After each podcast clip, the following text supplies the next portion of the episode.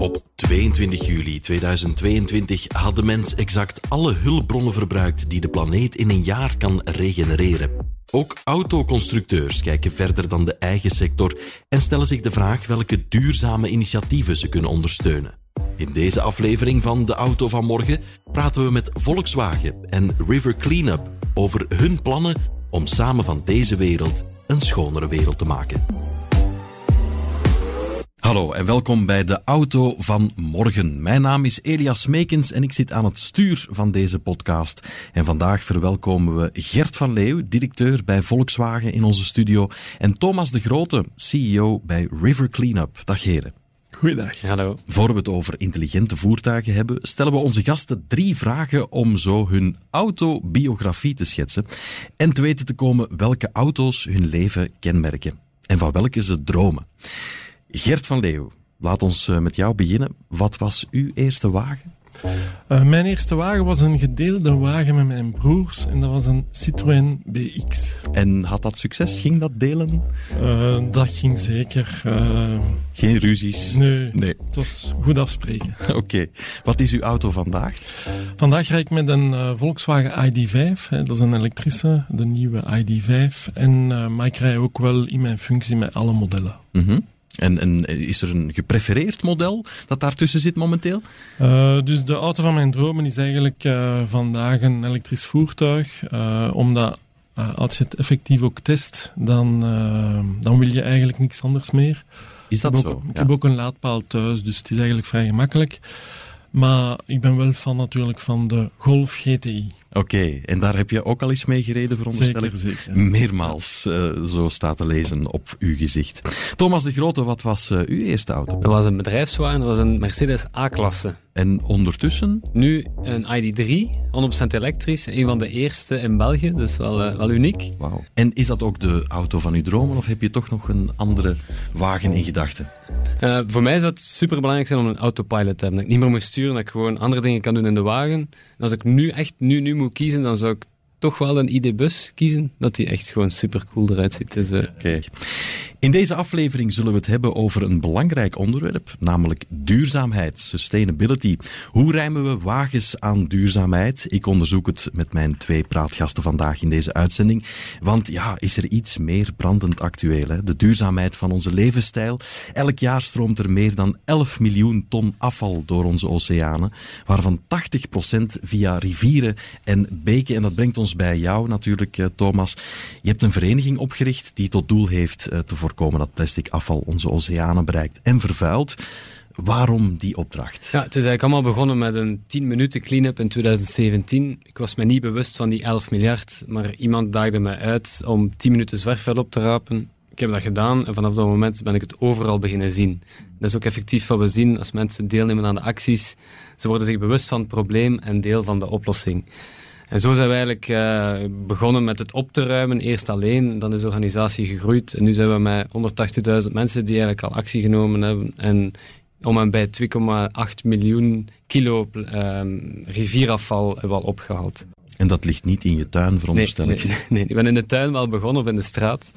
Um, en ja, de reden eigenlijk waarom... Um, veel mensen zien de, de afbeelding van de dieren, uh, die verstrengeld zijn in plastic. Schildpadden en Schildpadden, zo. walvissen, maar eigenlijk nog belangrijker is de impact op ons. Want wij consumeren elke week 5 gram microplastics die zich omringen met toxische stoffen. We krijgen dat binnen, het zit in ons voeding, in ons uh, drinken en in de lucht die we inademen. Dus het probleem is eigenlijk groot, want dat veroorzaakt helaas kanker, uh, infertiliteit en andere problemen. Dus een reden eigenlijk om er iets aan te doen. Mm. Doe je ook thuis meer uh, huishoudelijke taken sindsdien?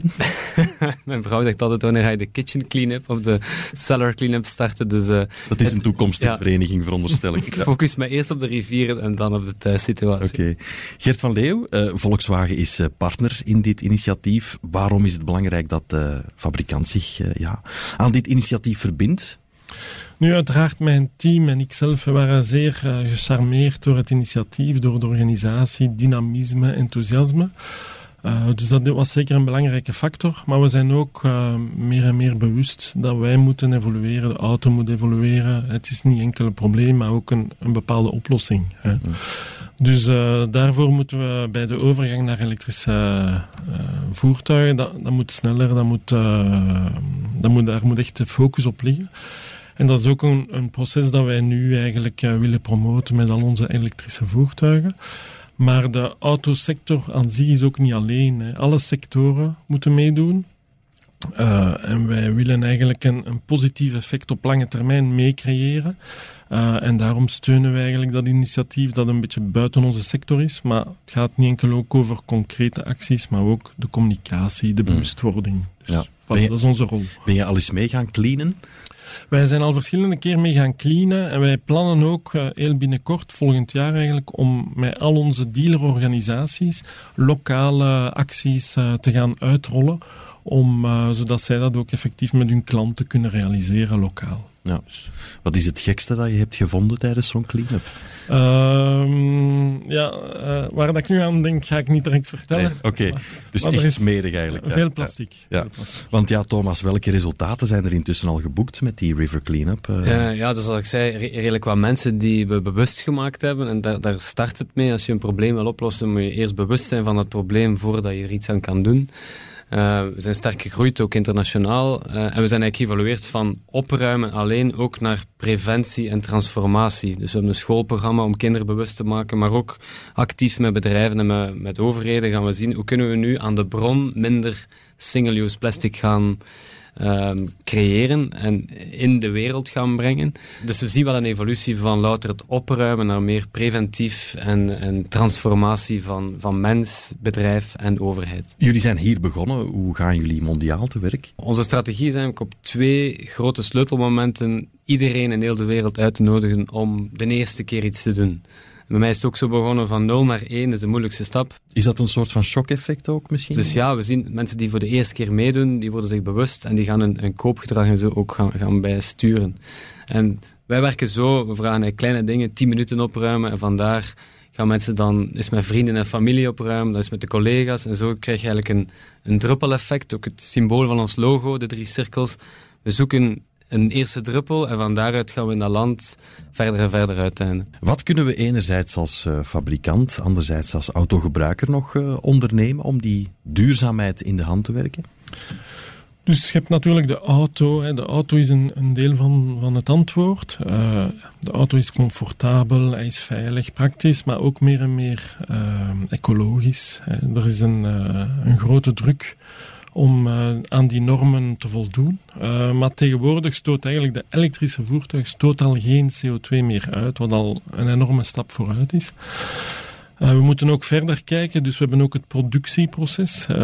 dus auto's moeten CO2-neutraal worden gebouwd. En gans dat proces moet eigenlijk CO2-neutraal zijn. Dat is ook de doelstelling van de Volkswagen Groep. En we hebben daarvoor een strategie en die noemt de Way to Zero plan. Mhm. uh, en dat is niet alleen toekomstmuziek, want vandaag is eigenlijk onze, al onze elektrische voertuigen worden al CO2-neutraal gebouwd. Dus eigenlijk bouwen we vandaag al de wagen van 2050. Maar we hebben nog andere modellen die dat we, waar dan nog werk aan is en uh, die dat we CO2-neutraal op termijn zullen bouwen. Um, en dan natuurlijk heeft die uh, W2Zero-strategie, waar dat Volkswagen zich aan, aan verbonden heeft. Uh, dus tegen 2050 zullen wij volledig CO2-neutraal zijn. Mm -hmm. En dat is ook vastgelegd in de klimaatakkoorden van Parijs. In de auto-industrie heersen heel veel clichés. In het volgende luik van deze podcast tackelen we enkele clichés en stel ik telkens een mythe voor die jullie zullen bevestigen of ontkrachten. Ik vuur hem zo dadelijk op jullie af en dan hebben jullie drie minuten om de mythe te bestendigen of te verwerpen. Goed? Hier komt die. De consument autogebruiker vandaag de dag is op de hoogte van de ecologische noodsituatie. Wij merken elke dag eigenlijk dat de stijgende interesse voor het elektrisch voertuig, en dus die, de bestellingen daarvan nemen toe, waardoor wij vroeger, twee jaar geleden, nog maar één wagen op tien eigenlijk uh, elektrisch verkochten, zitten wij vandaag al aan één op vijf. Dus dat is al een hele mooie evolutie. We zien dat niet enkel uh, fiscaal, hè, fiscaal gedreven, maar we zien ook meer en meer bedrijven die dat bewust kiezen. Uh, en ook bestuurders die bewust kiezen voor een elektrisch voertuig.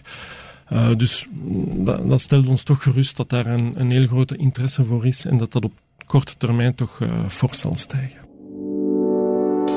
Ja, akkoord. Ik denk dat de, dat de mensen weten dat er een probleem is en in sommige gevallen ook weten wat ze moeten doen, maar ook niet altijd. Denk maar aan CO2-uitstoot. En dat wagen is een groot onderdeel, maar evengoed wat, wat we eten. Uh, vlees, rood vlees is bijvoorbeeld ook zo'n zo'n mythe.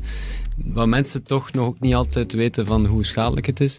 Dus ik denk, het bewustzijn is er, maar uh, het kan ook het Kan ook beter. Oké.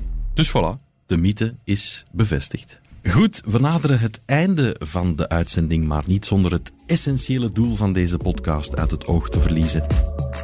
Namelijk de auto van morgen samenstellen. En die auto van morgen is dus duurzaam, draagt sustainability hoog in het vaandel. Hoe doen we dit nu al of morgen? Ik bespreek die strategie met de gasten rond de tafel. Gert Thomas, hoe kan een autofabrikant vandaag de dag zijn impact beperken? Dus zoals al uh, gezegd daar straks, natuurlijk het productieproces. Hè, dus daar uh, kunnen nog grote aanpassingen in gebeuren. Maar ook uh, kunnen we buiten onze sector gaan en investeren in laadinfrastructuur. De Volkswagen Groep investeert zo in, een, in het merk Ionity, wat eigenlijk snellaadpalen zijn overal in 24 landen in Europa. En de bedoeling is toch om binnen een actieradius van 150 à 200 kilometer overal een Ionity-punt te vinden. Dat zal natuurlijk uh, al helpen. En dan Dieteren als onafhankelijke invoerder. Hè. Dus wij hebben ook een dochteronderneming, dat is EDI. Uh, en die is gespecialiseerd in laadoplossingen uh, bij, bij, de consument thuis. Dus met die investering willen we natuurlijk de overgang naar elektromobiliteit uh, vergemakkelijken. En dat werkt ook, hè, want de meeste klanten die zijn overgestapt op een elektrisch voertuig, die willen eigenlijk niks anders meer. En dat is ook dat wij echt gefocust zijn bij Dieter op hernieuwbare elektriciteitsbronnen. Voldoende, denk je, Thomas? Ja, denk het wel. Ja. Ik uh, denk, hoe makkelijker dat de verandering is uh, en hoe minder last de mensen hebben, hoe, ja, hoe sneller de verandering zal gaan. Uh, ja, want dat afval, dat vroeg ik mij dan af. Waar gaat dat naartoe? Krijgt dat nog andere doelen?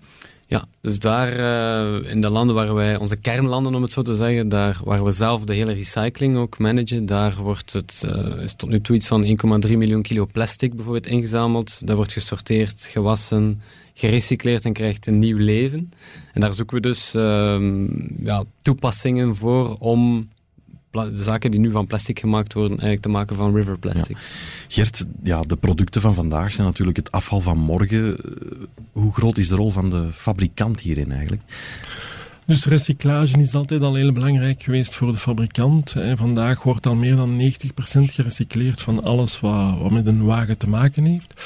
En we zien daar toch wel in de toekomst dan met de batterijen dat wij een tweede, zelfs een derde uh, toepassing zullen kennen bij een batterij. Bijvoorbeeld een tweede toepassing kan zijn een, een, een batterij thuis. Uh, en een derde is echt wel terug volledig recycleren van de batterij nadat de levensduur uh, voorbij is. Mm. Jullie zijn ook al bezig met het Go Solar project. Kan je daar iets meer over vertellen? Ja, Go Solar is eigenlijk een, een bedrijf dat zonnepanelen plaatst. En uh, Dieteren uh, Auto heeft Go Solar onlangs overgenomen. Dus die worden nu opgenomen in onze portfolio van diensten die wij aanbieden.